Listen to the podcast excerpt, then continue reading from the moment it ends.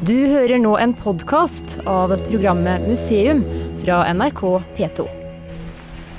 Det er grått og vått akkurat nå. Det er grått og vått, ja. Og det er lav tåke. På en måte så er det litt uh, flott òg, da. Vi er jo inne i en fjord, det må vi jo si. Og vi er ved Oslofjorden også. Og her ser vi utover et Ja, skal vi rett og slett si det? Et vikinglandskap. Ja, det kan vi godt kalle det. Står, langt inn, vi står ved Kureskjær, langt inne i Kurefjorden i Rygge.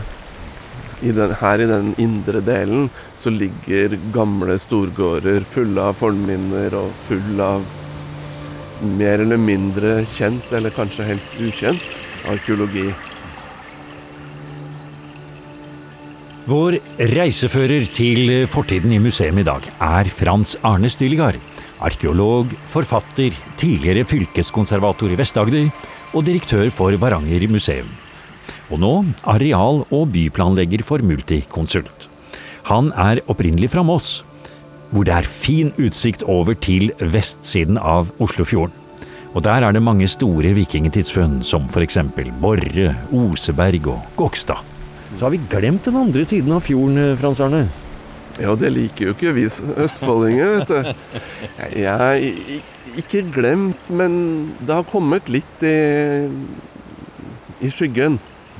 Eh, Litt i skyggen, selv om, selv om eh, i Kanskje særlig i vikingtid, så tyder alt på at Østfold og Vestfold hører sammen og er to sider av samme sak. Og den saken heter jo Viken, og det er ikke den Viken vi, mener, vi har nå for tiden, med det nye monsterfylket. Men den gamle Viken, hvor gikk det hen, Frans Arne? vikingtidas Viken og, vikingtida, eller, og Viken i tidlig middelalder er stort sett kystlandskapene fra dagens Göteborg, eller fra Götaelv, da, munningen der, eh, til eh, Lindesnes. Ja, og da rundt hele kystlinjen. Ja. Så om man bor i Gøteborg eller nær sagt Kristiansand, så bor man fortsatt i Viken i den gamle betydningen av ordet. Det gjør man. Ja.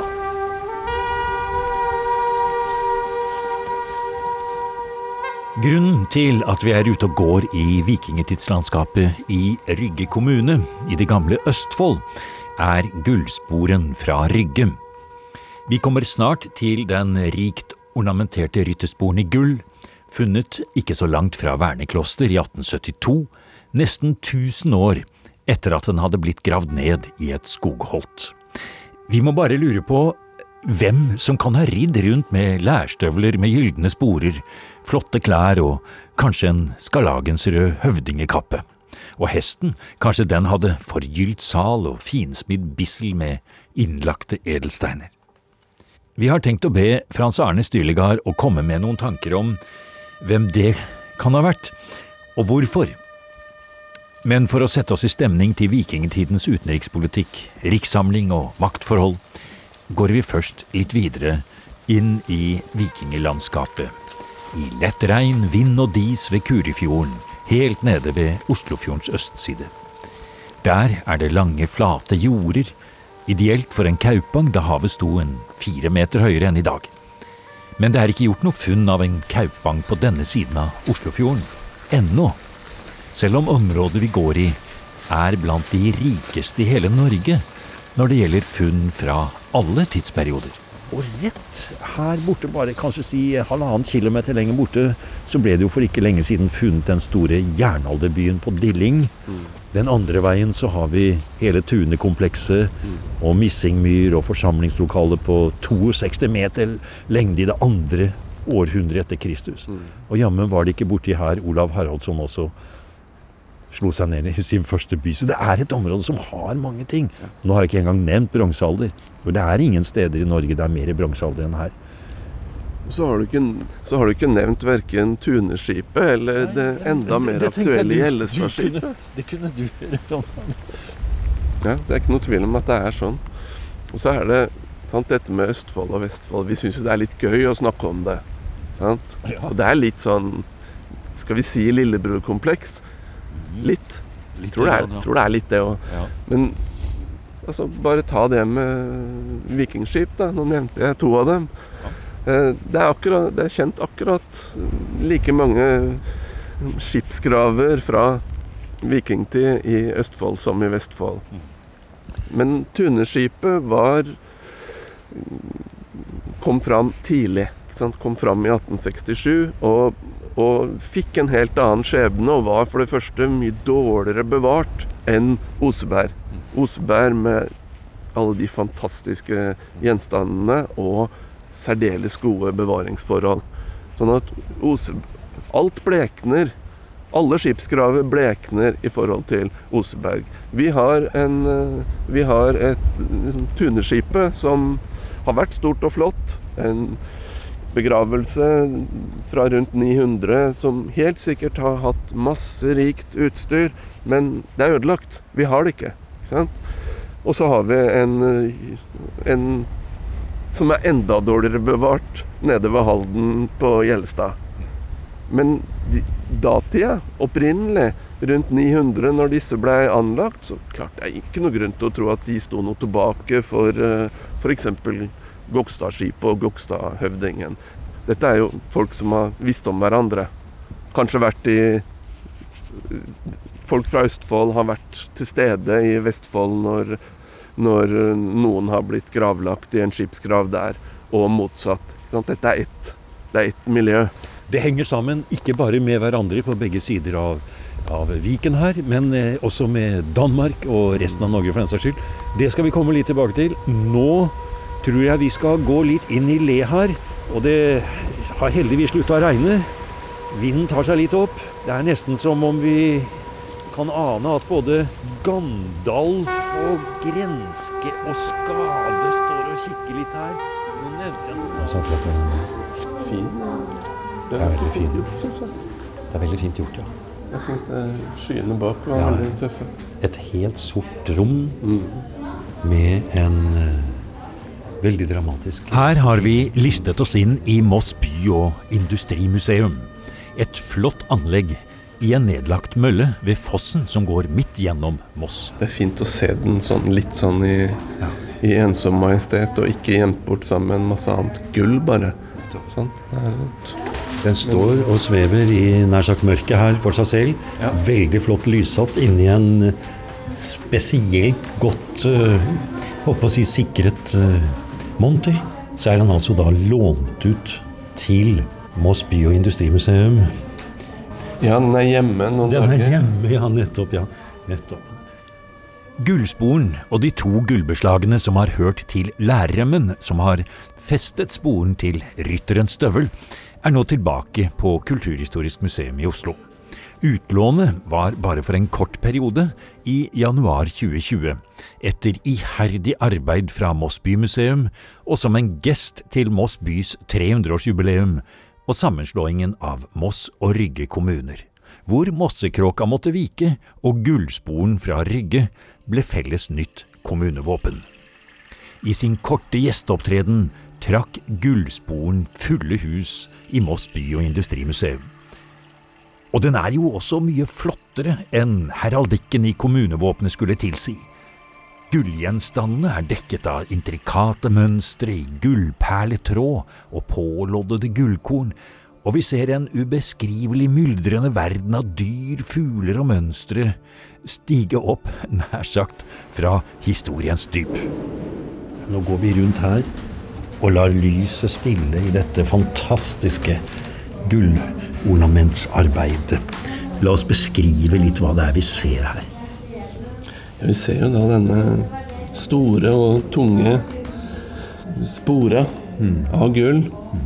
Og så ser vi disse to mindre beslagene som Som også er av rent gull, mm. og som har hørt til uh, reima som sporet har vært festa til fottøyet med. Og så ser vi hvor uh, intrikate ornamentene er. Det er en fantastisk gullsmedkunst med helt fullt av detaljer. Det er jo så filigransarbeid, som ofte blir sagt. Det er jo så masse detaljer. Vi går rundt monteren her nå. Vi hører er mange andre mennesker i museet her. Og det har jo trukket til seg masse folk som ser på den her. Og det er tre enkeltgjenstander.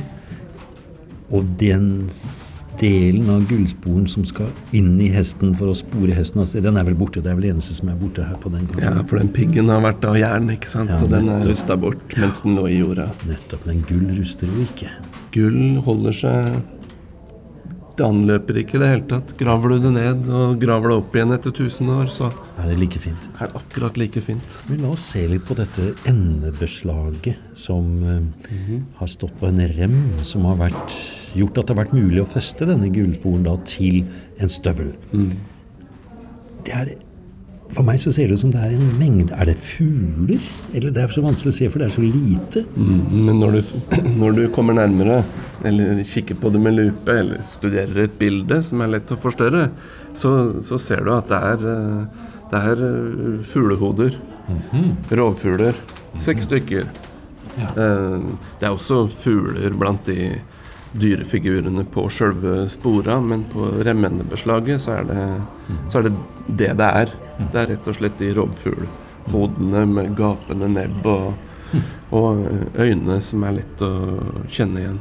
Og det har selvsagt hatt en, et spesielt symbolinnhold som er vanskelig å si veldig mye konkret om, men de har, de har betydd bestemte ting. Og Og rovfuglene kjenner vi jo igjen i flere av vikingtidsstilartene. Dekortypene så finner vi disse rovfuglene, og de hører jo hjemme i en sånn krigersk, eh, aristokratisk sammenheng. Og nå har vi kommet oss inn på en, en, en, en vei med et rart navn her, Frans Arne. Gullfunnet? Ja, tenk deg en vei som heter Gullfunnet. Og hva er det vi står og ser på her nå, egentlig? Vi står og ser på utover funnstedet.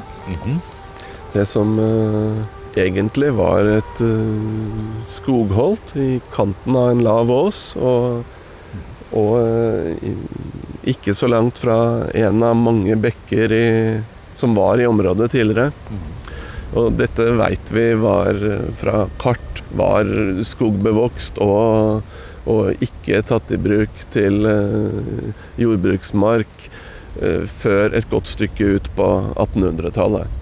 Nettopp. Den lå igjen som skog, og så var det jorder rundt. Og det var når de begynte å dyrke opp eh, dette partiet og skulle drenere, lage et dike midt på som vi fortsatt Som en dreneringsgrøft. ser Ja, vi kan jo faktisk se det der ute. Ja, Ja, det er der nede i bunnen der. Ja, ja, den er Ja, i bunnen. Ja, ja. Så det er, når de gravde den, så var det en svensk landarbeider som fant selve sporen.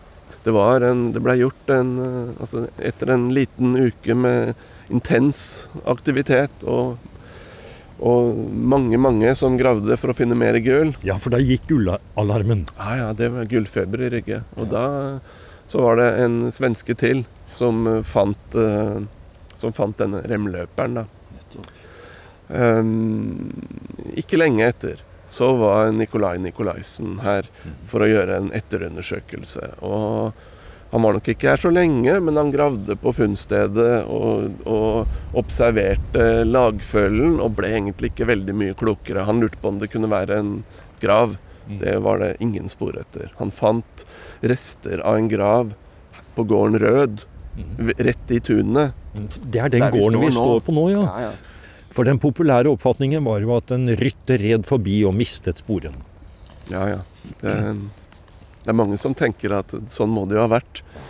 Og, og, og når de fant denne tredje gjenstanden, da, dette remmendebeslaget som de fant mange år etter, på dette jordet, men eh, mange titalls meter unna, 80 meter eller noe sånt, så bidro jo det til tanken om at ja, men her har han her mista han sjølve Her mista han den delen, og her mista han resten, og så gikk det Så kom han hjem igjen helt uh, sporeløs.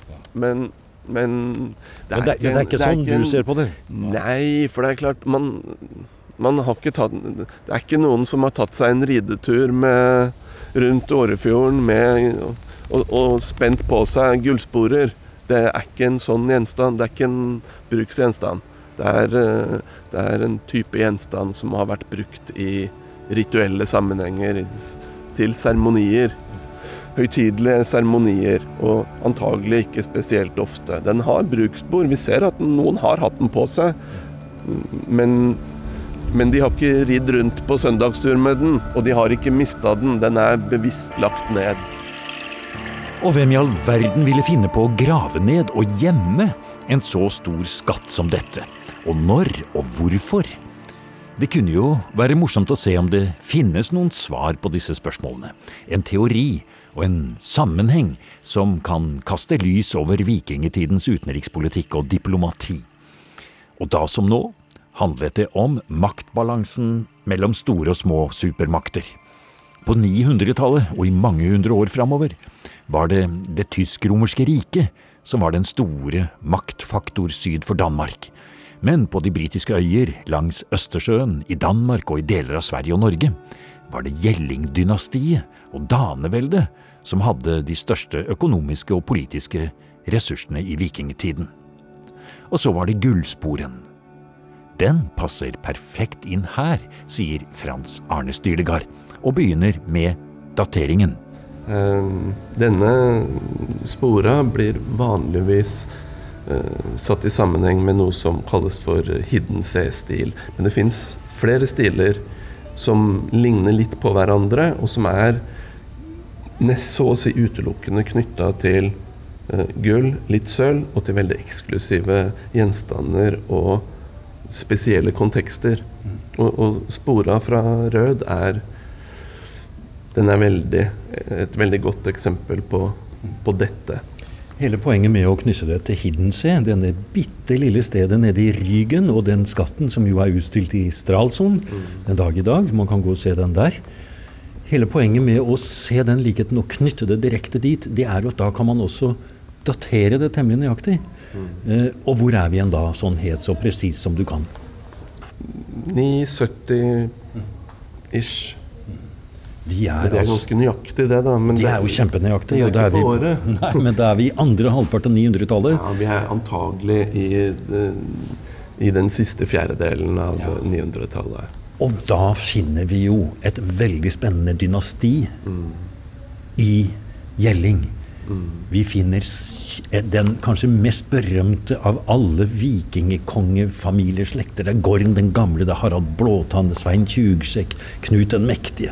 Alle sammen har sin base der. Og de blir jo kjempestore herskere på europeisk nivå.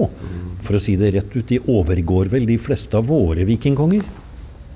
Ja, det er ikke noe De overgår ikke de fleste av våre vikingkonger. De er absolutt eh, Nordens eh, herrer på slutten av 900-tallet og første halvdel av 1000-tallet. Det ender jo med at Svein som dør kjapt kort tid etterpå, men Svein erobrer England, og Knut blir eh, konge i England og i Danmark. Og Hvis du sammenligner England og Danmark, eller den delen av Norge som man reelt også var overkonge i, så kommer England veldig mye bedre ut. Langt, langt flere mennesker. Et mer utvikla samfunn økonomisk. Eh, st mye større potensial for skatteinntekter. En stor og gammel eksisterende kirke- og klosterorganisasjon. Altså det, er et, det er et mer attraktivt sted å styre enn Skandinavia. Og det er det dette Gjelling-dynastiet som, som kroner sine framganger med å faktisk også bli herrer i England.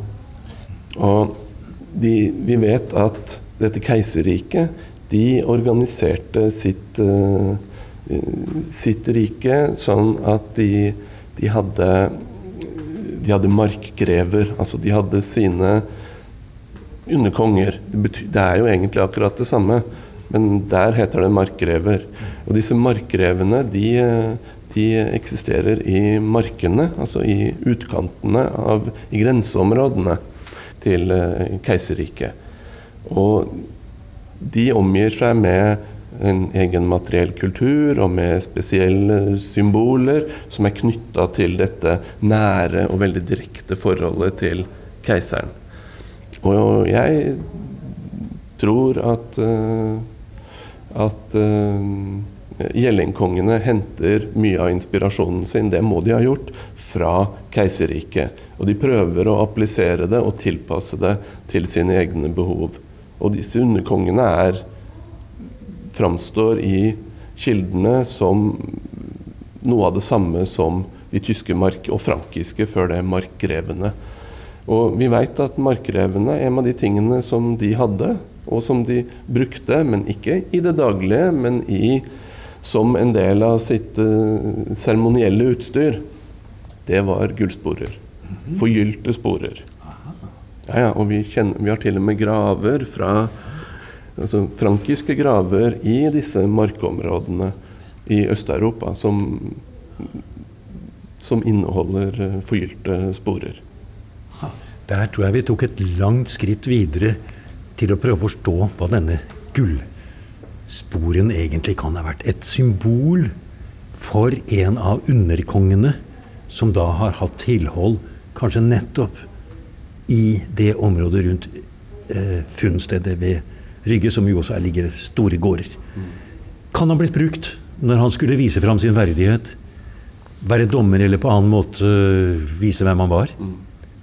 Og så blir det da kanskje lagt ned og gravd ned av en eller annen grunn. Mm -hmm. eh, du vet, Øyvind, i dette, dette daneveldige Viken, da, som, er, som, er, et kjent begrep, det går litt i bølger. Det går langt tilbake. Vi finner det allerede i, i tidlig på 800-tallet.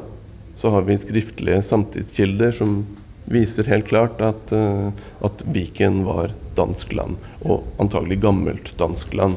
Det er seinere at dette blir en del av Norge. Vi er vant til å tenke på det som en integrert del av Norge, men sånn har det ikke vært. Det har vært dansk land.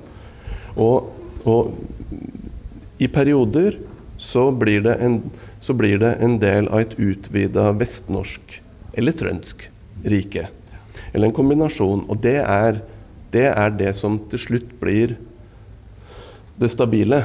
Det er der vi er nå, etter mange, mange hundre år. Men fremdeles på slutten av 900-tallet, og også i perioder litt seinere, så er dette en Så, er, så kommer daneveldet tilbake. Og så har vi jo saga, sagaberetningene fra Olav Haraldsson kommer i, i 1015 kommer tilbake til, eh, til eh, hjemlandet etter å ha vært, vært, på eventyr i årevis og vunnet gods og gull. Og så kommer han, og så, i, hvert fall om man skal tro sagaene, litt heldig Han kommer på veldig riktig tidspunkt. Ladejarlen er opptatt med helt andre ting i England, og så blir han uh, konge. Og Noe av det første han gjør i Viken, er å, å jage vekk de, de danekongens representanter. Og i den prosessen som vi egentlig veit veldig lite om, og som, og som, eh, og som vi ikke kjenner arkeologisk, altså hvordan kan noe sånt se ut? Eh, det går jo an å tenke seg at, at det er i den settinga hvor noen blir Olav Haraldsson og hans menn kommer. De jager vekk disse underkongene. Og i den settinga så kan det jo tenkes at noen faktisk får behov i all hast for å gjemme unna noe som så tydelig ville koble de til, uh, til uh, det som hadde vært.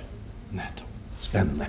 Sånn som du forteller dette nå, Frans Arne, så blir det jo da både Gullsporen et eksempel på, og hele historien om det danske Viken, styrt fra Gjelling, og med alt dette vi nå ser for oss, så vil jo denne historien være en del av den danske rikssamlingen, nær sagt, og ikke den norske.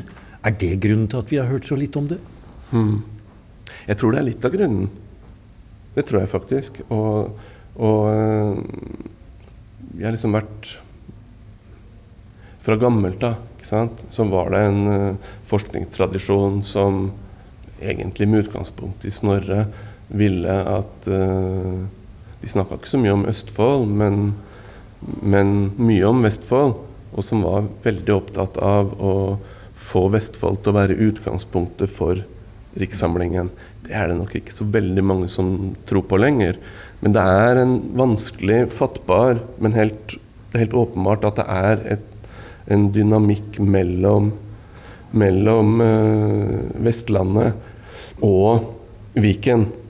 Og, det, og, i den Men i den settinga så er, det, så er eh, Viken et, eh, et eh, mener jeg, i utgangspunktet et uh, dansk område som i løpet av noen hundre år blir uh, liksom endelig norsk. Men det var ikke gitt at det skulle bli sånn. Og det var uh, alvorlige forsøk på å, på å få et annet utfall. Sant? Men Og jeg tror Spora er et veldig Kanskje det beste eksempelet vi har på, på at den riksorganisasjonen, hvis vi kan kalle det det, som gjellingkongene begynner å bygge opp fra midt på 900-tallet og framover, den omfatter også Viken. Som at ja, Viken spiller en ikke uvesentlig rolle i den danske rikssamlingen. Men den gjør det også i det norske, men på et litt seinere tidspunkt.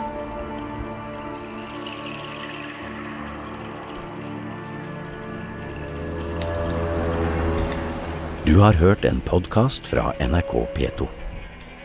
Send gjerne en e-post til museum krøllalfa nrk.no.